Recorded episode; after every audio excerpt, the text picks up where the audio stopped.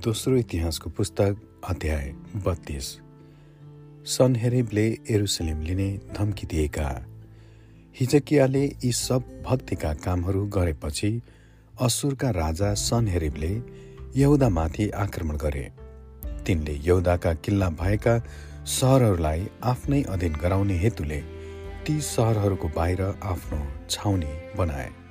सनहेरिब आएका छन् र एरुसलेमलाई आक्रमण गर्न अठोट गरेका छन् भनी हिजकियालाई थाहा हुने बित्तिकै सहर बाहिरका मूलहरूका पानी बन्द गरिदिन तिनले आफ्ना अधिकारीहरू र फौजी अधिकृतहरूसित सल्लाह लिए।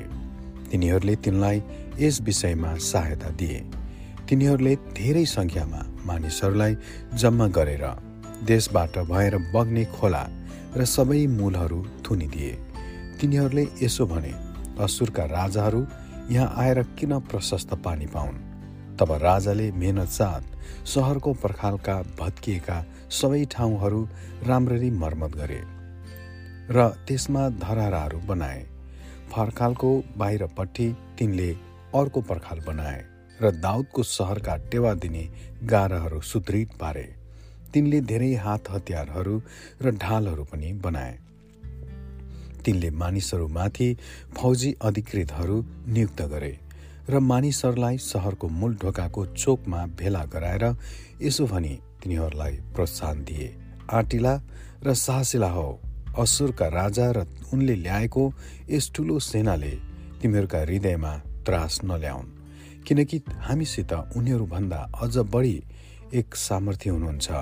उनीहरूसित शारीरिक शक्ति मात्र छ तर परमप्रभु हाम्रा परमेश्वरलाई सहायता गर्न र हाम्रा निम्ति युद्ध गर्न हामीसित हुनुहुन्छ। यहुदाका राजा हिजकियाको वचनले गर्दा मानिसहरूको हौसला बढ्यो। त्यसपछि उनी र उनका सेनाले लाकिसको वरिपरि घेरा हालिरहेको बेलामा असुरका राजा सनहेरिबले यहुदाका राजा हिजकिया र एरुसलेमका सबै यहुदीहरूलाई यो समाचार दिन भनी एरुसलेममा अधिकृतहरू पठाए।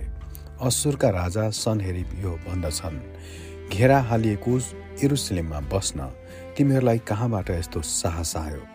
जब परमप्रभु तिमीहरूका परमेश्वरले असुरका राजाको हातबाट बचाउनुहुनेछ भनी हिजकियाले तिमीहरूलाई भन्छन् तब तिमीहरू बसेकै ठाउँमा तिमीहरूलाई अनिकाल अथवा तिर्खाले मार्नलाई तिनले तिमीहरूलाई धोकामा पार्दैछन्। के हिजकिया आफैले यिनै परमेश्वरका अग्ला अग्ला ठाउँहरू र वेदीहरू भत्काएर यहुदा र एरुसलेमका मानिसहरूलाई एउटै मात्र वेदीमा पूजा गर्नु र त्यहाँ मात्र बलिदान चढाउनु भनी भनेका थिएनन् र म र मेरा पुर्खाहरूले अरू देश देशका सबै मानिसहरूलाई के कसो गर्यौँ सो तिमीहरूलाई थाहै छैन। के यी जातिहरूका देवताहरूले मेरो हातबाट यिनीहरूका देशहरू बचाउन सकेर मेरा पुर्खाहरूले सत्यानाश गरेका जातिहरूका देवताहरूमध्ये कसले मेरो हातबाट आफ्ना मानिसहरूलाई बचाउन सक्यो? तब कसरी तिमीहरूका ईश्वरले तिमीहरूलाई बचाउन सक्छन्? तिमीहरूलाई यसरी धोका दिन र भ्रममा पार्न हिजकियालाई मौका नदेऊ। तिमीहरू तिनीहरूमाथि विश्वास नगर किनकि कुनै देवताले आफ्ना मानिसहरूलाई मेरो अथवा मेरा पुर्खाहरूका हातबाट बचाउन सकेको छैन भने तिमीहरूका ईश्वरले तिमीहरूलाई मेरो हातबाट कसरी बचाउन सक्छ र सनहेरिबका अधिकृतहरूले परमप्रभु परमेश्वर र उहाँका सेवक हिजकियाका विरुद्धमा अझै ज्यादा भने राजा आफैले यसो भनेर परमप्रभु इजरायलका परमेश्वरलाई तुच्छ ठानेर पत्रहरू लेखे जसरी अरू देशका देवताहरूले आफ्ना मानिसहरूलाई मेरो हातबाट बचाउन सकेनन्। त्यसरी नै हिजकियाका ईश्वरले पनि आफ्ना मानिसहरूलाई मेरो हातबाट बचाउन सक्ने छैनन्। तब उनीहरूले सहर कब्जा गर्नलाई एरुसलेमको पर्खालमा उभिने मानिसहरूलाई हिब्रू भाषामा डर र त्रासले आतंक पार्न चर्को स्वरमा नारा लाए। मानिसका हातले बनाएका पृथ्वीका अरू मानिसहरूका देवताहरूलाई गरे झै उनीहरूले एरुसलेमका परमेश्वरलाई निन्दा गरे। यस अवस्थामा राजा हिजकिया र आमोजका छोरा यसैया अगमवक्ताले स्वर्गतिर कराएर प्रार्थना गरे। तब असुरका राजाको छाउनीमा हुने सबै योद्धा र नायक र अधिकारीहरूलाई संहार गर्न भनी परमप्रभुले एउटा स्वर्गदूत पठाउनु भयो तब सनहेरी बेजती भएर आफ्नो देशमा फर्के। जब उनी आफ्नो देवताको मन्दिरमा पसे तब उनका छोरा मध्येका कोही कोहीले उनलाई तरवारले काटेर मारे। यसरी परमप्रभुले हिजकिया र यरुसलेमका बासिन्दाहरूलाई असुरका राजा सनहेरिब र तिनीहरूका अरू सबै शत्रुहरूबाट बचाउनुभयो। उहाँले तिनीहरूलाई चारैतिर शान्ति दिनुभयो। धेरै मानिसहरूले एरुसलेममा परमप्रभुको निम्ति भेटीहरू र यहुदाका राजा हिजकियाको निम्ति दामी दामी उपहारहरू ल्याए। त्यसपछि तिनले सबै जातिहरूद्वारा ठुलो सम्मान पाए। हिजकिया बिरामी परेका।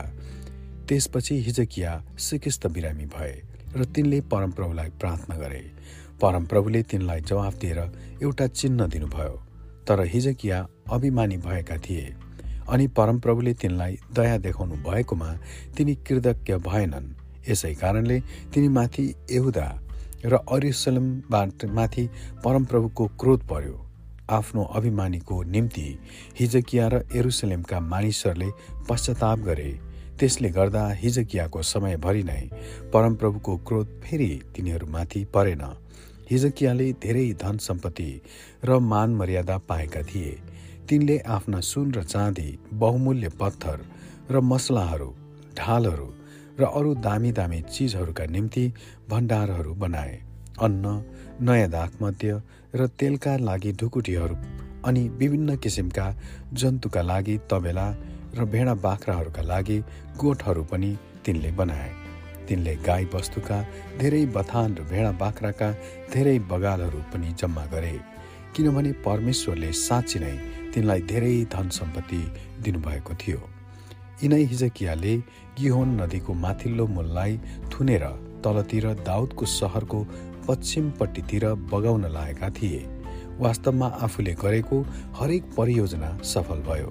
तर जब बेबिलोनका शासकहरूले पठाएका राजदूतहरू देशमा देखिएको आश्चर्यका चिन्हको विषयमा सोध्न आए तब परमेश्वरले तिनलाई जाँच गर्न र तिनको हृदयका कुरा पत्ता लगाउन तिनलाई छोड्नुभयो।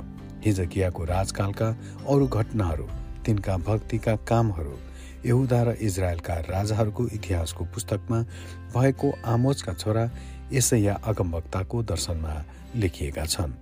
हिजकिया आफ्ना पित्रहरूसित सुते र दाउदका सन्तानहरूका चिहानहरू भएको डाँडामा तिनी गाडिए।